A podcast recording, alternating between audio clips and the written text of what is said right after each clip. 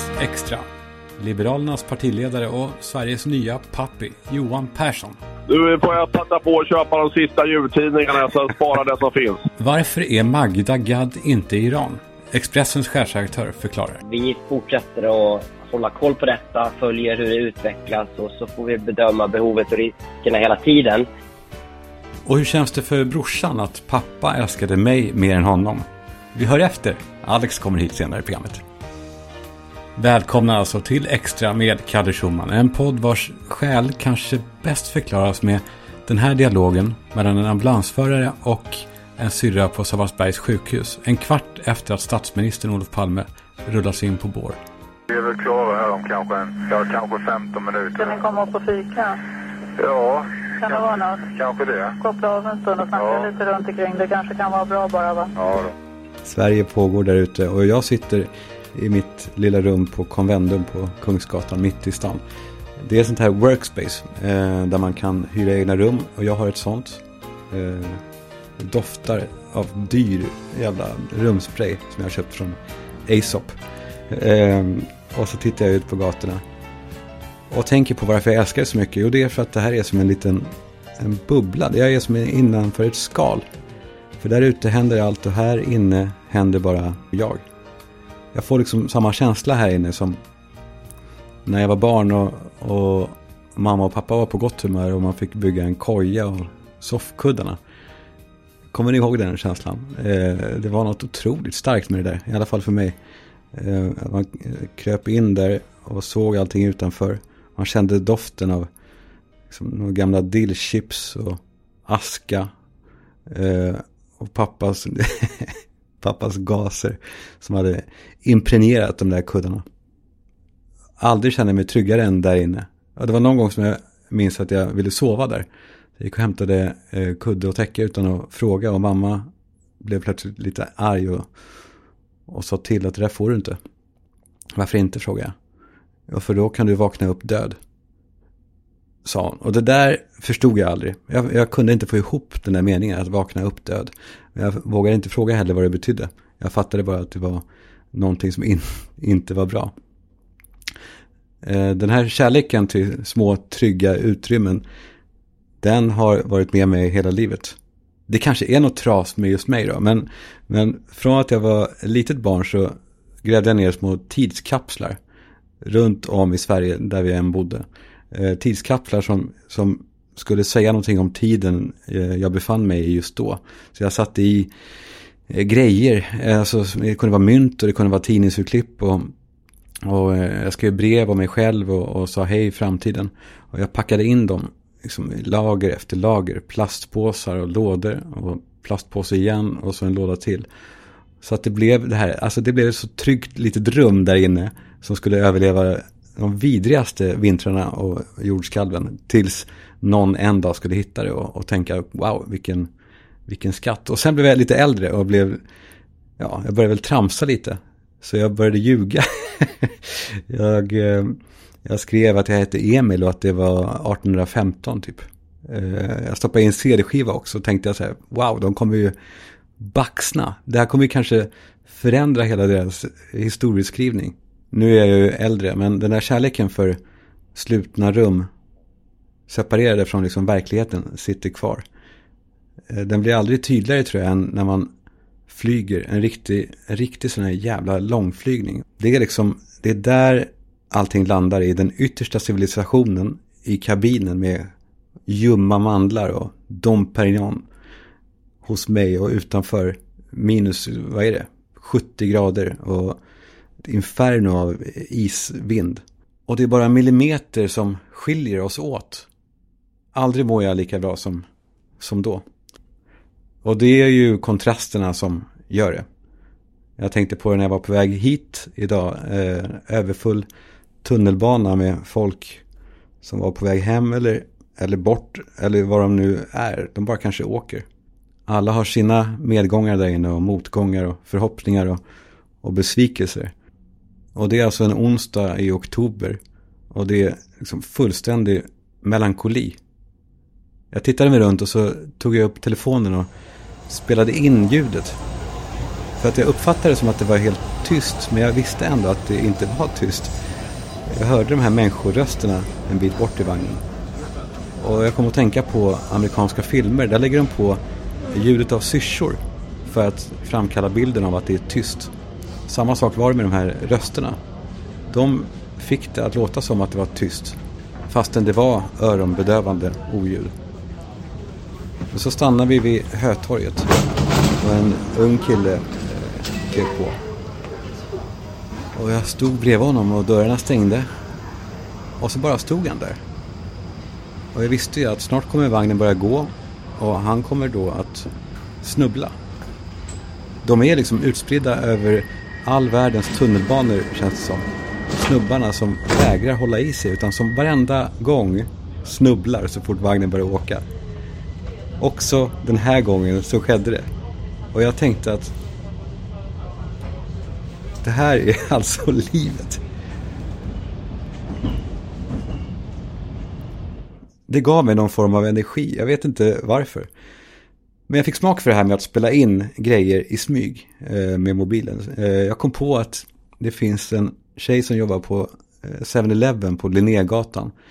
Som har en ovana att varje gång som affären liksom är färdig så säger man tack och då säger hon varsågod. Så, varsågod. Det är klart. Det är klart. Tack. Alltså jag blir, eh, jag blir helt eh, tokig av det där. Eh, så jag tänker, jag kanske ringer till Fredrik av Klerker. Ni känner kanske till honom. Han är väl en av Sveriges mest väluppfostrade människor. Otroligt belevad i hur man gör, vad som är rätt och fel i det sociala umgänget. Fredrik, vad är din dom här? Eh, jag som kund säger tack, hon säger varsågod. Är det rimligt?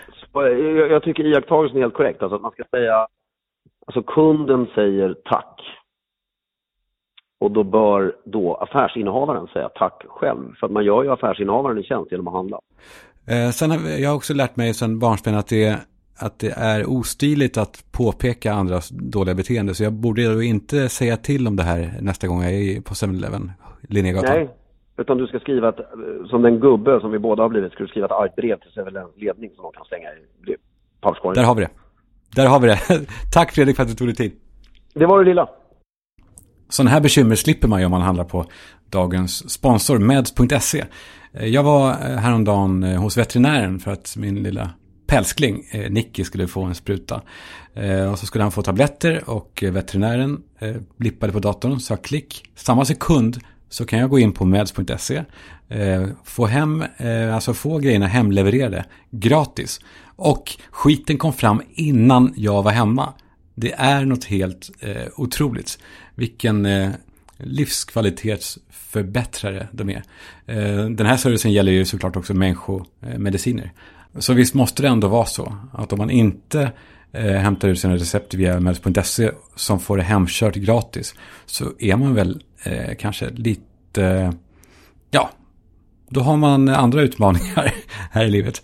Eh, tack Meds.se. Ja.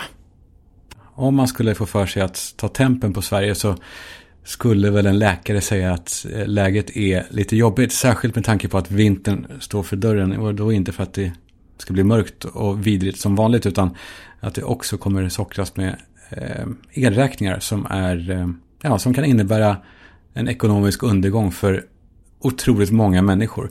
Jag har inte blivit klok på vad det egentligen handlar om. Alla bara säger att de blir höga, men vart tar pengarna vägen egentligen till slut? Kostar det mer att göra el nu än förr? Vem sitter inne på svaren? Jo, Sveriges nya pappi. Ja, det är han ju. Eh, Johan Persson, partiledare för eh, Liberalerna och eh, sitter väl snart i regeringen. Eh, jag vet att du har ganska bråda dagar. Jag är glad att du tog dig tid. Men hur mycket är det nu, Johan? Eh, det är ju... Det, det, det är mycket och det är stora frågor men det är ju flera som hjälps åt att liksom hitta ett sätt att komma överens om för Sverige framåt hoppas jag. Och eh, jag är eh, full av förhoppningar precis som Ulf Kristersson meddelade talmannen idag. Jag tänker väldigt mycket på eh, alla de människorna, de är många, som eh, kanske inte har den här bufferten som alla pratar om. Utan som nu står inför enorma elräkningar. Eh, kommer de klara sig? Jag menar ångesten, eh, det finns så mycket ångest där ute nu. Ja, det är det verkligen. Och det är just uh, idag eller imorgon eller uh, senare under, uh, under veckan som, eller början på nästa, som de räkningarna för förra månaden kommer ut till, till oss som ja, elköpare, konsumenter.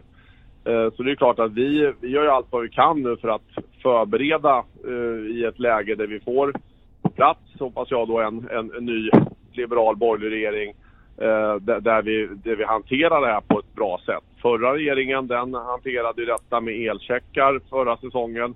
Nu kanske ännu tuffare situation och vi ska hantera på ett, eh, tycker vi, bra sätt som eh, ändå behåller incitamentet att eh, vi alla hjälps åt och hushållar med elen. Men att vi eh, också eh, hjälper de människor som faktiskt rimligen vill kunna sköta sin hygien, koka sin mat och barnen inte ska bara ha vinterkläderna på sig. Vi, vi medborgare vi kan lita på att eh, du och Liberalerna och de övriga gör, ni, ni gör ert allra bästa i alla fall. Ja, det, det, ska vi göra och det är ju nu för att hantera krissituationen men på sikt måste vi också sätta i, igång nu att se till att vi får mera fossilfri Eh, kraftproduktion i Sverige. För det är ju bra. El är ju någonting bra. Det är ju det att vi kan äta varm mat, ha varmt inne och duscha varmt och vi kan läsa en bok eh, och ha datorn på. Allt det där bygger på att vi har el och då måste vi ha både sol, vind och, och kärnkraft om Liberalerna får bestämma och producera mer av det i Sverige. För att dessutom bortom krisen verkligen få bort eh, bensin och dieselbilar och elbilar istället. Ändå hör man om sådana elbolag som har, eh, som har som har det tufft och riskerar att gå omkull. Hur, hur går det till? Jag kan inte förstå det. Ja, men de elhandelsbolagen som har sålt el och bundit sig att leverera till exempel till människor med ett fast avtal eh, och inte försäkrat upp sig att de har produktion tillgänglig, till exempel om man själv kontrollerar egen produktion. De sitter ju med skägget i brevlådan idag och riskerar ju att gå omkull så att säga, precis som andra företag har det tufft nu med i, i den ekonomiska krisen och inflationskrisen. Det kan ju gälla ja, restauranger framöver, det gäller vissa industriföretag, det kan gälla ja, eh, sushi-restauranger vad det nu är som, som får det allt tuffare. Och, och, på samma sätt kan det då vara med, med elhandelsbolagen. Men det här med höga priser hänger också ihop med då att då tjänar ju nu Vattenfall som staten äger väldigt mycket pengar och så tjänar Svenska kraftnät väldigt mycket pengar för de tar betalt av att man skickar elen fram och tillbaka i, i det, särskilt i flaskhalssituationen när det är brist. Eh, och likadant så, så gör ju staten enorma extra intäkter beroende på att man har moms på, eh, på elen och på elskatten. Eh, och det, det gör ju att de här överskotten som nu finns i staten, de vill ju vi använda för att på olika sätt lindra situationen eh, för människor och företag i Sverige som inte kan vara ansvariga för att eh, politiken i Sverige de sista åtta åren har försatt oss i den här situationen genom att stänga ner svensk fungerande produktion. Ja, bra. Så du säger att ni kommer jobba för att ge tillbaka till folket eh, pengar som har gått till elräkningar? Ja, men de här enorma överskotten som nu skapas av en kris som då har sin grund både i Rysslands vidriga krig mot Ukraina och att man för ett energikrig mot Europa faktiskt. Eh, det, det, det ska ju vi försöka återföra för vi måste ju lindra situationen så att inte människor både får en eh, helt ohanterbar elräkning även om elen kommer att bli dyrare. Eh, och att företag inte går konkurs för då du, kan du betala elräkning men har inget jobb. Då får du ju andra problem som som, som människa i Sverige och du kanske har ett litet radhus eller en, eh, en liten egen villa eller vad det nu är. Eller för den delen bor i, i, eh, i, i lägenhet eller bostadsrätt. Så att eh, det är ju viktigt. Sen måste vi också hjälpas åt att på olika sätt spara för att hålla nere den här sista eh, elförbrukningen som, som, som gör att priset blir så extra dyrt. För det är ju de sista den sista förbrukningen som höjer priset. Så att vi, vi, vi måste spara också. Det ser vi nu hur till exempel eh, olika Svenska kyrkan jobbar med att stänga ner vissa kyrkor under vintern för att inte värma upp dem om man kommer bara ha 15 grader på julottan och sånt. Det är ju, det är ju nödvändiga och viktiga insatser för att precis som vi som privatpersoner kan duscha lite kortare och eh, kanske inte eh, ha alla lampor tända i rummet när vi inte är inne. Du, tack. Jag ska låta dig eh, springa vidare. Förresten bara snabbt. Eh, hörde, du, hörde du att de hittade Fantomen, Bamse och katten Gustav döda? De tror att det var en seriemördare. Nej, det ante mig. Nu får jag passa på att köpa de sista djurtidningarna så jag sparar det som finns. Tack ska du ha. Tack Johan, ha det bra. Ja, bra, hej hej. Mm, vidare i Extra med Kalle Schumann så ser vi om vi får kontakt med Alex, brorsan som är ute på vägarna. Eh, hör du mig Alex? Jag är med dig. Va? Jag är med. Ja, jag, jag, det är jättebra, men jag vet bara inte hur jag ska börja med det här. Men så här, det är inget roligt ämne kanske. Men det handlar lite grann om vår uppväxt, som du väl har nämnt i förbigående någon gång. Ja, eh, det har jag. Eh, det har du ja. Ehm, det som jag vill komma in på egentligen, det här, din jakt liksom efter pappas kärlek. Ja. Eh, som väl är någon sorts liksom, återkommande tema i, i, i dina böcker. Eh, för det är ju så att han älskar ju mig mer än dig. Eller? Vad säger du? Om man älskar dig mer än mig. Ja, det gjorde han, det gjorde han ju.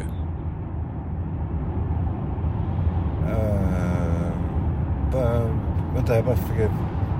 Få ihop det. Nej, För du jagade någon kärlek efter, efter din pappa som du inte fick tillbaka. Men det var inte så att han var kärlekslös. För han gav ju mig massa kärlek. Jag, liksom, jag har lite exempel. Vill du, vill du ja, höra? Absolut, men får jag bara säga, får jag bara säga alltså jag har ju skrivit böcker om eh, kärlekslösheten från, från eh, alltså från eh, modern, alltså Ja, men hon älskar ju också mig mer än dig. Men jag menar, om jag bara får säga klart. Det har varit temat. Att, att, eh, att jag har sökt efter den, den bekräftelsen. Det, det, är hela, det är hela temat till exempel eh, eh, Glöm mig. Men jag, jag, har aldrig, jag har aldrig skrivit någon bok där jag har ifrågasatt pappas kärlek. Den har varit ganska given från start. Ja, att, ja, vi, vi är given på vilket sätt då? Att han älskar mig mer än dig? Nej, alltså det har inte varit någon, jag, jag har aldrig, jag har aldrig satt, jag har aldrig, jag har aldrig liksom sett det som en tävling. Men det har du uppenbarligen. Nej, inte tävling, men det är bara så intressant. Alltså, det, det finns så starka tecken på det. Med mamma såklart, eh, det vet vi ju. Men, men med pappa också. Eh, vet du att när han åkte till Sofiahemmet för att kolla blodtrycket som han gjorde en gång i veckan. Då sa han att han Ja, alltid vad- tänkte... Ja, va? Jag var ju ofta med. Ja, han berättade för mig att han tänkte alltid på mig för att få ner trycket och, och pulsen och bli lugn.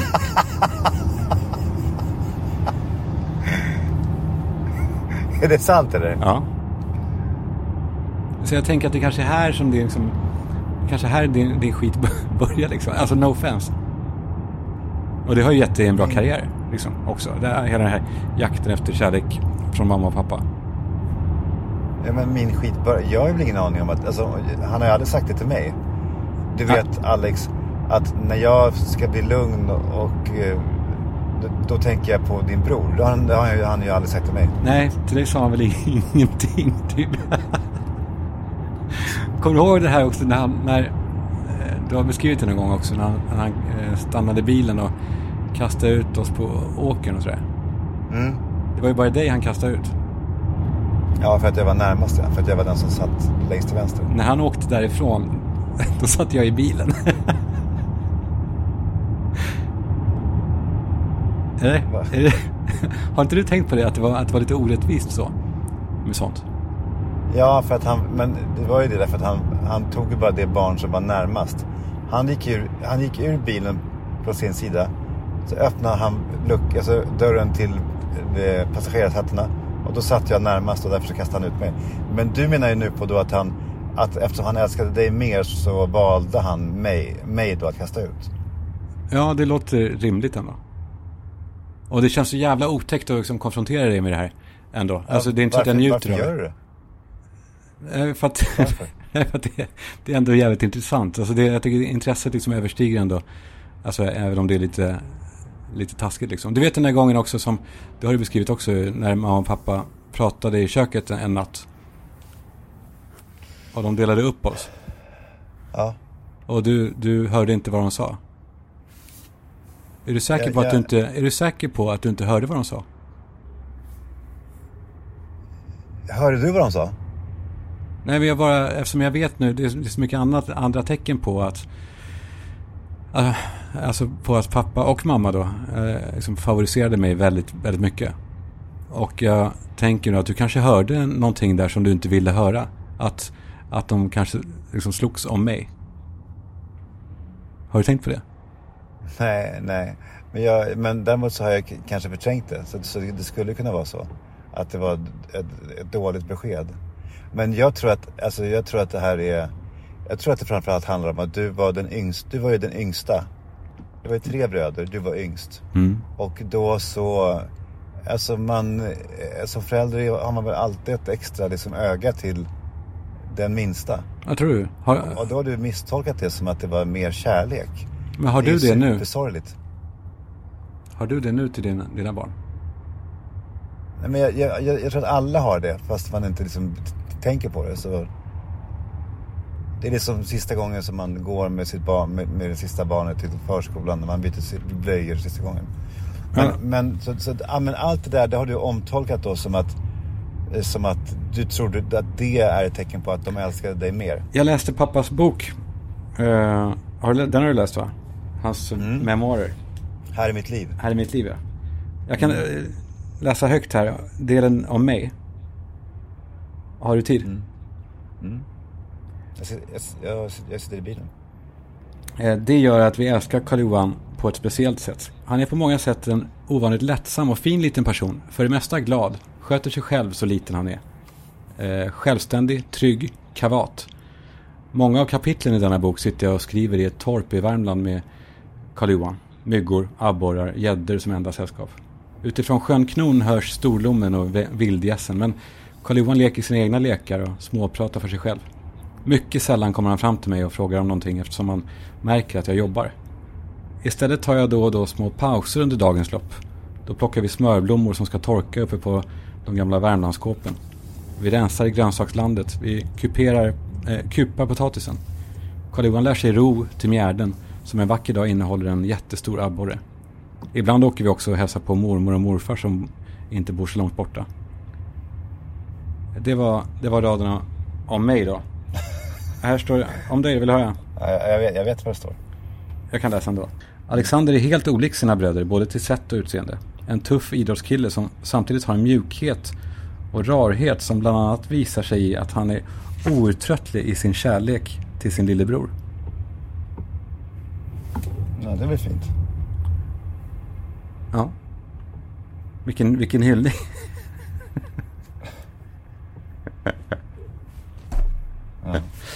Eller?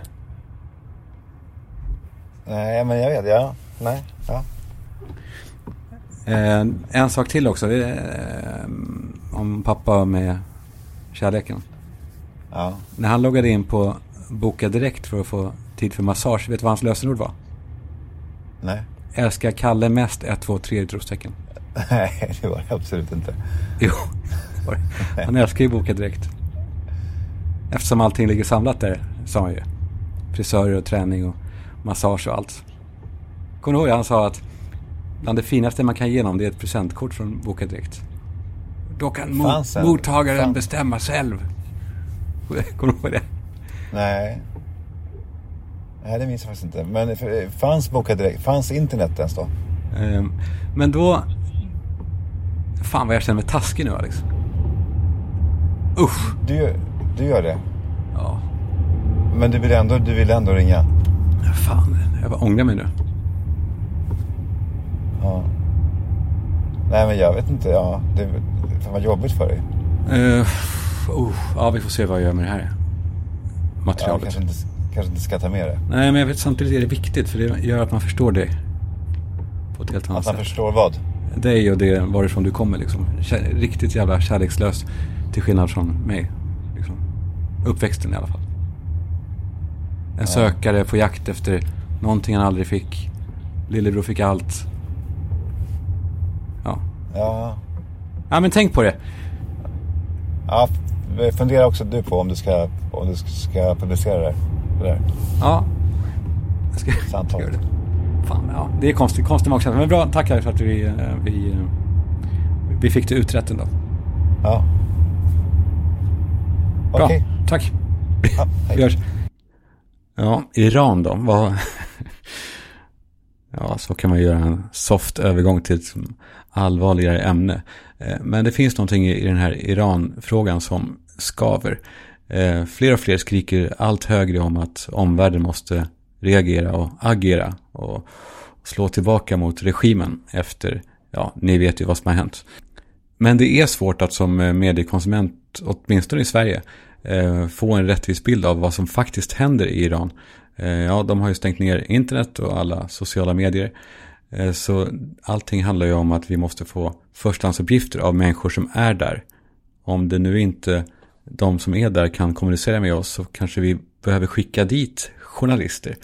Därför har jag stört mig mer och mer på att inga svenska tidningar har folk på plats. Jag ringer till eh, Claes Granström, chefredaktör på Expressen. Varför får vi veta så lite om vad som faktiskt händer i Iran, Claes? Jag är inte säker på att vi får veta så lite.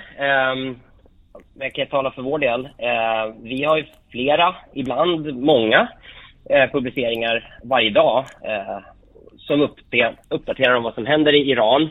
Alltså det är nyhetsrapportering i text och tv och det är sammanfattande artiklar som beskriver eh, varför det som händer händer. Och det senare tror jag är nog extra viktigt. Det är ju eh, kanske inte helt enkelt att på avstånd hänga med i eh, den här utvecklingen. Eh, Ni har inga journalister på plats, du har väl inga svenska medier va? Nej, ehm, vi har inte det eh, i dagsläget och det finns ju massa olika skäl till det. Eh, men den stora frågan är ju eh, såklart hur, hur eh, fördelar vi våra resurser? Har vi råd och tid och möjlighet? Och den här typen av bevakning på plats i en eh, ja, men komplicerad, ri- riskfylld eh, miljö, det kan inte vem som helst göra. Och vi har inte ehm, åkt dit ännu. Inte ens Magda Gad är där, va? Vad är det som pågår då? Undrar man som, som mediekonsument. Ja, eh, alltså när vi har inte skickat något av våra, våra erfarna team och, och till den här typen av miljö som sagt, så då behöver man ju vara väldigt erfaren. Och jag kan egentligen bara säga att eh, vi fortsätter att hålla koll på detta, följer hur det utvecklas och så får vi bedöma behovet och riskerna hela tiden. Eh, hittills har vi inte sett att det har varit läge att skicka ner någon. Men finns det inte en fara tycker du? Jag, eh, jag läser så mycket jag bara kan. Och det mesta är ju som andrahandsuppgifter och mer och mer diffusa källor från någon på Twitter som filmar i ett garage.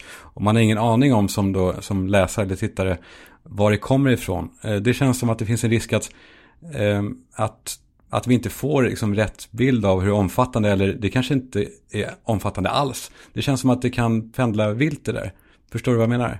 Absolut. Och det, man ska ju naturligtvis inte bara titta på korta klipp på Twitter eller Um, och, och det är ju heller inte vad vi gör. Det, man kan ju använda sig av allt ifrån uh, internationella medier som uh, är i närheten som vi, vi vet är duktiga på detta. Man kan, eh, det kommer ut uppgifter via Amnesty. Det kommer också ut officiella uppgifter som man naturligtvis måste ta med en nypa salt. Men vi är ganska vana vid att sortera bland alla eh, den här typen av, av källor. Och det är också det man behöver göra. Man kan inte bara sitta och titta och lyssna på ett ställe. Men är anledningen till att ingen skickar dit folk att det är för farligt eller att Iran inte tillåter det? Alltså, jag kan inte svara för andra, men det är ju inte ett okomplicerat land att operera i, varken att ta sig in i eller att jobba i. Så att eh, det är naturligtvis en del av eh, vår eh, bedömning. Okej, jag tackar för, eh, för eh, eh, inblicken. All right. Den här podden sponsras av Weird Underwear, underklädesföretaget som ju, ja, de har ballat ur. Eh, det finns nog ingen gräns för vad de kommer ta sig till i framtiden. De har nyligen lanserat en, eh, ett loungewear-set som är så skönt. Nu låter jag, lät jag som en så här influencer. Så bra. Men jag är så glad för att gänget på Weird eh, har så stora hjärtan. Eh, tillsammans med eh, Bröstcancerförbundet så har man nu tagit fram ett set. Det låter lite tråkigt med ett set. Men gå in och kolla på weird.com. W-E-A-R-D.com. Ett set bestående av en trosa och en topp.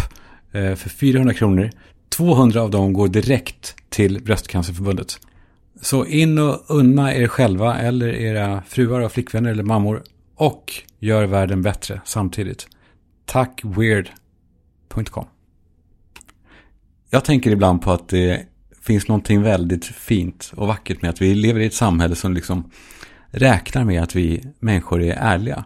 Att vi inte liksom snor toalettpapper från eh, arbetsplatsen eller från restauranger utan att de räknar med att det, det tillhör det här och så köper vi vårt egna på affären. De räknar också med att vi inte snor post från de här brevvagnarna som ställs utanför hyreshusen helt obevakade. De bara står där, en kvart står de. Och det eh, tänker de att nej, de kommer inte rulla iväg med den här vagnen och vittja posten på eh, checkar och kontanter och vad det nu finns där i. De är ju härliga de där vagnarna. Eh, ni vet va? Eh, de har liksom mjuka hjul på dem så att de rullar som en droppställning med ett handtag. Och, och så är det massor av kuvert där. Jag tycker det är så lockande att bara ta skiten och rulla därifrån. Eh, men vi är rimliga. Många av oss är rimliga. Många av er är det i alla fall. Några av er är några stycken. Det finns exempel på rimliga personer. För jag vägrar tro att jag är ensam med att vara en sån som fubbar lite då och då.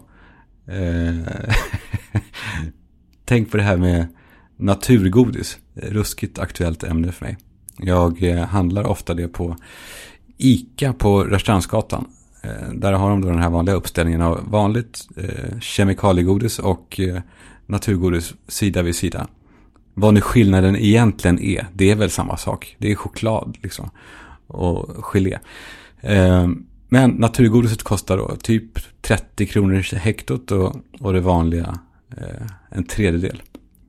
Men så hände det att jag av uppriktigt misstag eh, råkade ta en sån här rövgodispåse som är randig och, och jäklig. Och så lastade jag i mitt naturgodis i den. Jag gick då till kassan helt utan att, att tänka på det. Eh, och så såg jag när jag skulle betala att det var lite väl eh, billigt. Och jag fattade då vad jag hade gjort. Eh, men svalde hårt och eh, låtsades som ingenting. Och gången efter jag kom tillbaka så kunde jag liksom inte hålla mig från att göra samma sak igen. Eh, inte liksom av något annat skäl än att jag ville, jag vet inte fan vad jag ville. Det, jo, det är klart man sparar ju en peng. Men det handlar också om att det är ett sånt misstag som lätt kan ske i en sån här affär. Så jag tänker att det kanske kan ske en gång till. Eh, så jag fyllde på då eh, rejält eh, med naturgodis i den här, i den här färgglada påsen. Och den här gången vek jag runt den sådär som de gjorde förr i tiden. Massa varv, vek ner. Så att det skulle bli jobb för dem om de skulle få för sig att kontrollera. och det funkade igen. Eh, sen dess så har jag då satt det i system. Men varje gång så känns det lite mer fel. För det börjar ju snart likna någon form av snatteri eller stöld. Hur tunn är egentligen gränsen mellan att vara lite vardagsslug som Kalle Schumann och att vara eh, lite vardagskriminell som Kalle Schumann? Vad är sensmoralen med det här då? Ingen, kanske. Jo, kanske eh, förresten. Inget fiffel är liksom lika trovärdigt som när det sker av rent misstag. Eller hur? Det är som när man tappar ett glasspapper av misstag. Då ser det ju naturligt ut. Om någon då säger till. Öh, öh, hörru, du tappar något. Så reagerar man också äkta. Man säger oj. Så tar man upp det och går och kastar det. Men om man ger ett uppdrag till sig själv. Att nu ska jag kasta det här glasspappret av misstag. Då låser det sig. Då går man runt och ser så misstänkt ut. Och man blir som en, som en eh, konstig typ som då drar uppmärksamhet och skit till sig. Så det man ska göra alltså är att antingen så ska man fubba skamlöst. Som man har hört om folk som går in på typ eh, Elgiganten. Eh, och bara går in och tar en tv och säger den här ska till Jonsson på tolvan. Och ingen säger ifrån. Antingen är man så eller så är man ärlig. Eh, jag står i valet och kvalet. Så om någon som lyssnar kanske jobbar på ICA på Rörstrandsgatan, håll lite koll på mig framöver. Jag har inte riktigt bestämt mig för vad jag ska göra. Jag är lurig. Men jag försöker bli bättre. Och ni andra, ni vet ju var ni hittar mig någonstans. I mitt rum på Kungsgatan 9 står jag i fönstret och vakar över er. Hör av er om ni vill. Annars eh, fortsätt lyssna och ta hand om er där ute. Var ni än är så hörs vi snart igen.